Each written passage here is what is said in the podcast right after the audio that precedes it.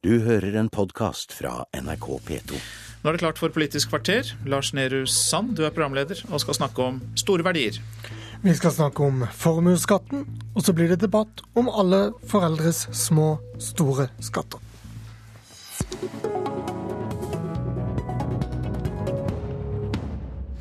Først barna, for eh, som NRK meldte i går, så vil Arbeiderpartiets programkomité foreslå at landsmøtet går inn for to årlige barnehageopptak mot ett som det er i dag.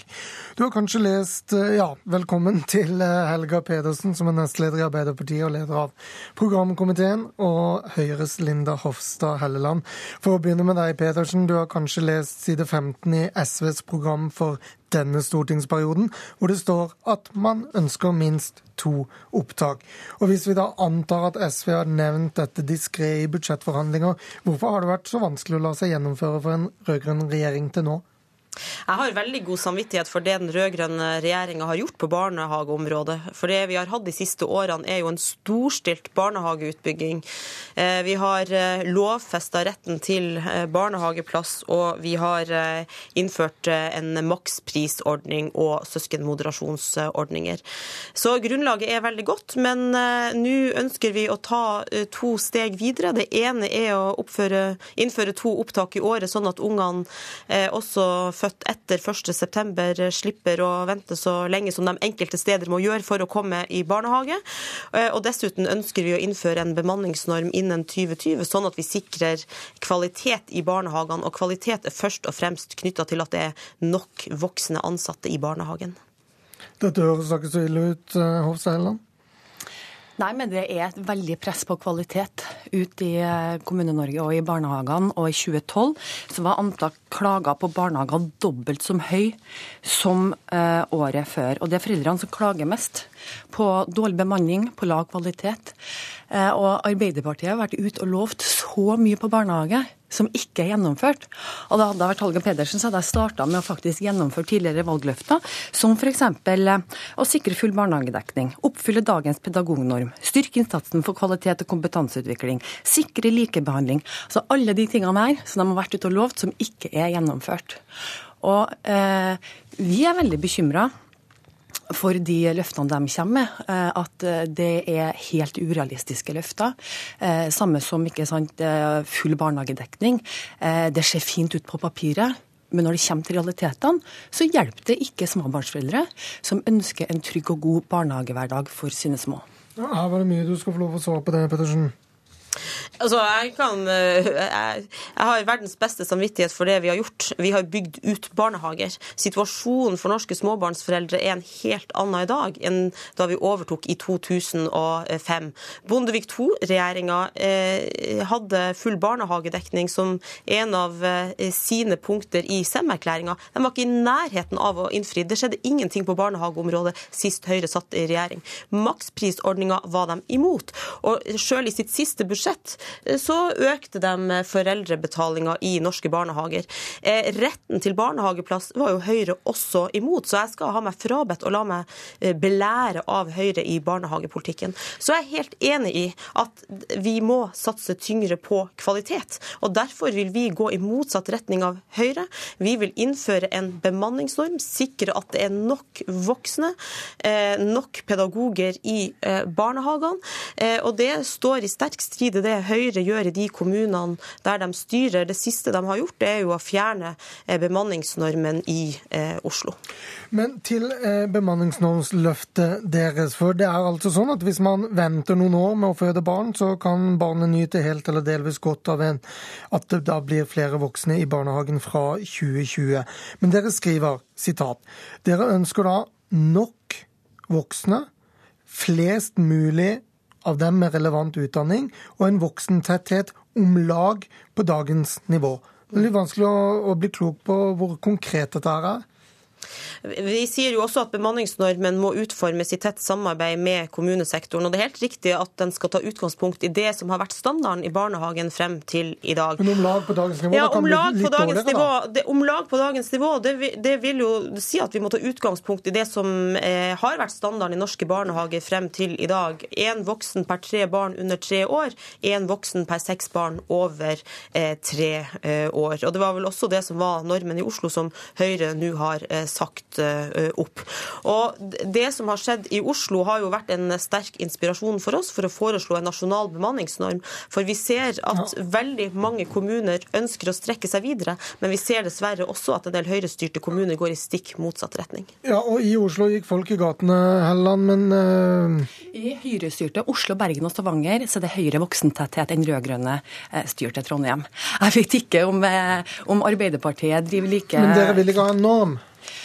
Vi er usikre på om norm er det riktige. Nå går KS ut og advarer mot at det er helt urealistiske eh, krav å, å innføre. I Oslo så er det en historisk satsing på barnehager uten sittestykke. 80 millioner setter de av til neste fire årene for å heve kompetansen. Bare 40 millioner til å eh, utdanne flere førskolelærere og heve kompetansen til de ansatte. Fordi at regjeringa svikter når det handler om kvalitet i barnehagen. Derfor så må Oslo ta grep sjøl.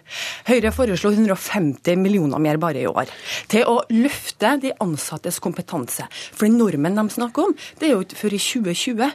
Vi må gjøre noe med at kompetansen og kvaliteten er for lav i Men barnehagen i dag. Og det her hjelper jo, forslagene til Arbeiderpartiet hjelper jo ikke dagens barnehagebarn. De er jo langt inn i skolen. Så det som Det er jo riktig, men det hjelper jo heller ikke med tanke på at man må utdanne disse jo, men menneskene. vi Det som er små- Jo, og det er jo for at de har feila i åtte år. Og hva skal Arbeiderpartiet greie på tolv år, som de ikke har greid på åtte år, når det gjelder å løfte kvaliteten i Men det, barnehagene? det er jo fasa inn en del ansatte i norske barnehager de siste åtte årene. 6000 pedagoger står utenfor barnehagene. De har ikke klart å få tilbake dem. De har ikke satsa nok på gjenrekrutteringsstrategier. De har ikke satsa på å løfte kompetansen til alle ansatte som jobber i barnehagen i dag. Sånn at det at Helga Pedersen sitter her og er bråkjekk og skryter av alt de har gjennomført, historien ut der er veldig annerledes. Hvis du snakker med barnehageeiere, hvis du snakker med kommunene, hvis du snakker med foreldre og ansatte i barnehagene, så er det et sånt press. Og ikke minst gjelder det i de rød-grønne kommunene. Eh, Og derfor så eh, må eh, Helga Pedersen ta seg en, en sjekk med virkeligheten. Den historieskrivinga som Arbeiderpartiet skriver nå om barnehagene, den stemmer ikke med virkeligheten. Pedersen, bare til det aller siste. Hva vil du gjøre for at de som utdanner seg til å jobbe i barnehage, faktisk begynner å jobbe i barnehage? Ja, Det de ansatte har vært, eh, både Fagforbundet og Utdanningsforbundet har vært veldig tydelige på, det er jo at eh, gode, sterke fagmiljø er veldig viktig for at eh, førskolelærerne og annet fagpersonell blir i eh, barnehagene. Og det å sikre at det er nok voksne på jobb, for ellers blir det fryktelig slitsomt. Du får ikke tid til å ta deg av ungene, og du klarer ikke å gi det beste tilbudet. Og Derfor eh, er det vi tar til orde for en bemanningsnorm. Og og så er det sånn at eh, vi foreslår, i tråd med Øie-utvalget som har utreda det her, foreslår å innføre den eh, til 2020, sånn at vi har tid til å rekruttere, utdanne, etter- og videreutdanne alle de folkene vi trenger eh, i sektoren. Men hvorfor skal dere nok en valgkamp kaste mer penger etter småbarnsforeldrene når dere ikke har råd til 11 måneders studiestøtte, tannhelsereform, varm lunsj på skolene eller brukerstyrt personlig assistent? Politikk handler jo om eh, prioritering. Og det er jo sånn at eh, for eh, de foreldrene som har barn født etter 1.9, og som ikke får barnehageplass, eh, så er det på en måte en fattig trøst at alle de andre får barnehageplass. Og vi mener det er riktig både av hensyn til barna å gi dem en best mulig start i livet, men også av hensyn til foreldrene som veldig sterkt ønsker å bidra i norsk arbeidsliv, så er det her et riktig skritt videre. Og så skal vi gjøre en god jobb på veldig mange andre områder òg. Skole, forskning, helse og eldreomsorg. Tusen takk til dere, Linda Hofstad Helleland fra Høyre og nestleder i Arbeiderpartiet, Helga Pedersen.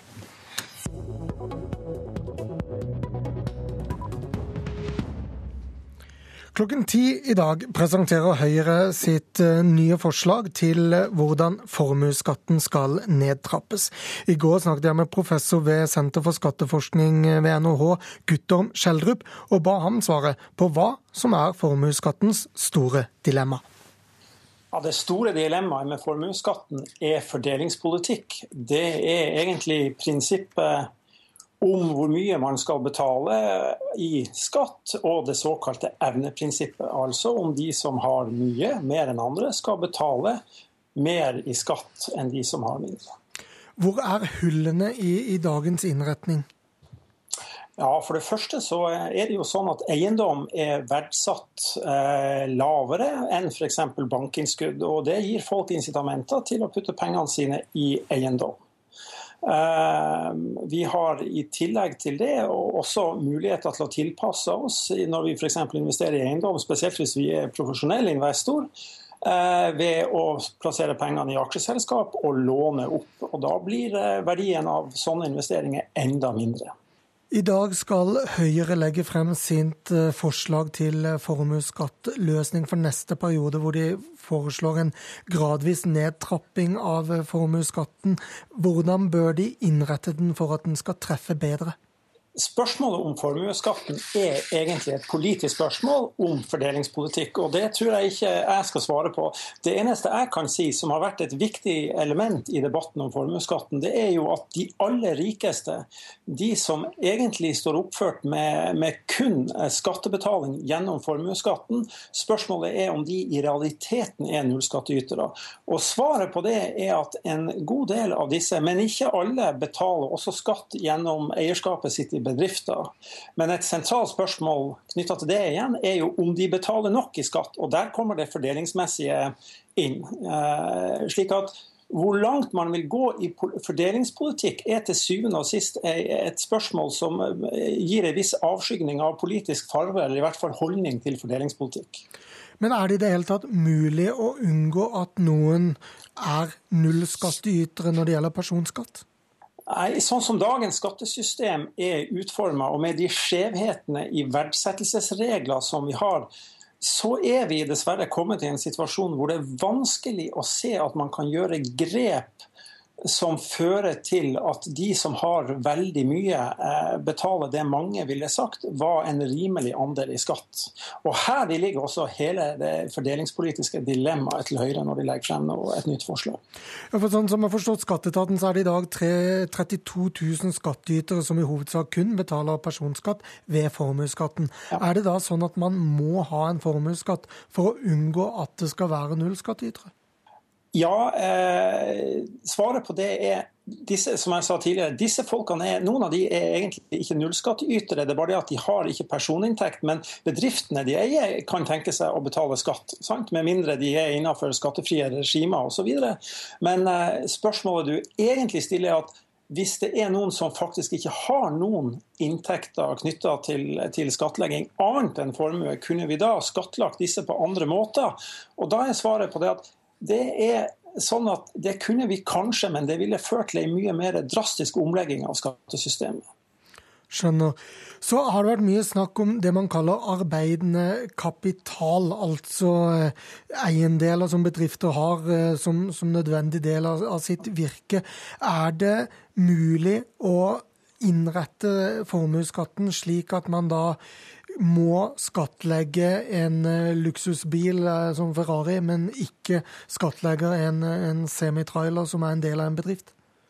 Altså, Debatten rundt, eh, rundt, arbeidende kapital er på mange måter en tulledebatt. og Det er en debatt skapt av de som egentlig ønsker å ikke betale skatt. Hvorfor det? Jo, fordi at når jeg og deg setter penger i banken, så låner jo banken ut de pengene, bl.a. til bedrifter, og slik sett så blir vi har vi arbeidende kapital som vi har plassert. Hvorfor skal vi være tvunget til å sette penger inn i et aksjeselskap som kapital for å slippe formuesskatt?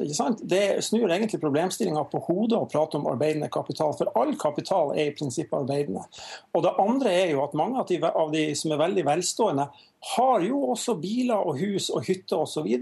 registrert på firma, og sånn sett er jo disse aktivene mindre arbeidende enn det vi har i, i privatøkonomien, altså skilt ut fra firmaer som vi eier direkte.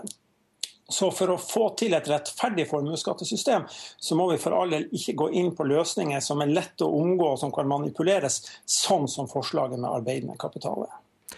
Så er det sånn i dag at man betaler formuesskatt eh, av den formen man har som er mer enn 870 000 kroner. Eh, som da er dette bunnfradraget, som, som man kaller det, eller innslagspunktet, for å bruke et annet ord. Eh, vil det holde å bare øke dette veldig, f.eks. til 10 millioner kroner? Ja, altså Hvis vi øker det veldig mye, som du sier, til 10 millioner, så vil de aller fleste Det er bare de, absolutt, de med absolutt størst formue igjen, og det er ikke så mange hundre igjen, betaler formuesskatt. Er det en lur ting å gjøre? Ja, Det spørs igjen hva, hva, formålet er. Hvis man ønsker å frita småbedrifter for formuesskatt og vanlige folk for formuesskatt, så ville det være et elegant grep. Da sier vi takk til NHO-professor Guttorm Skjeldrup. Høyres skatteforslag får du først på nrk.no og våre sendinger utover dagen. Politisk kvarter i dag var ved Lars Nehru Sand. Du har hørt en podkast fra NRK P2.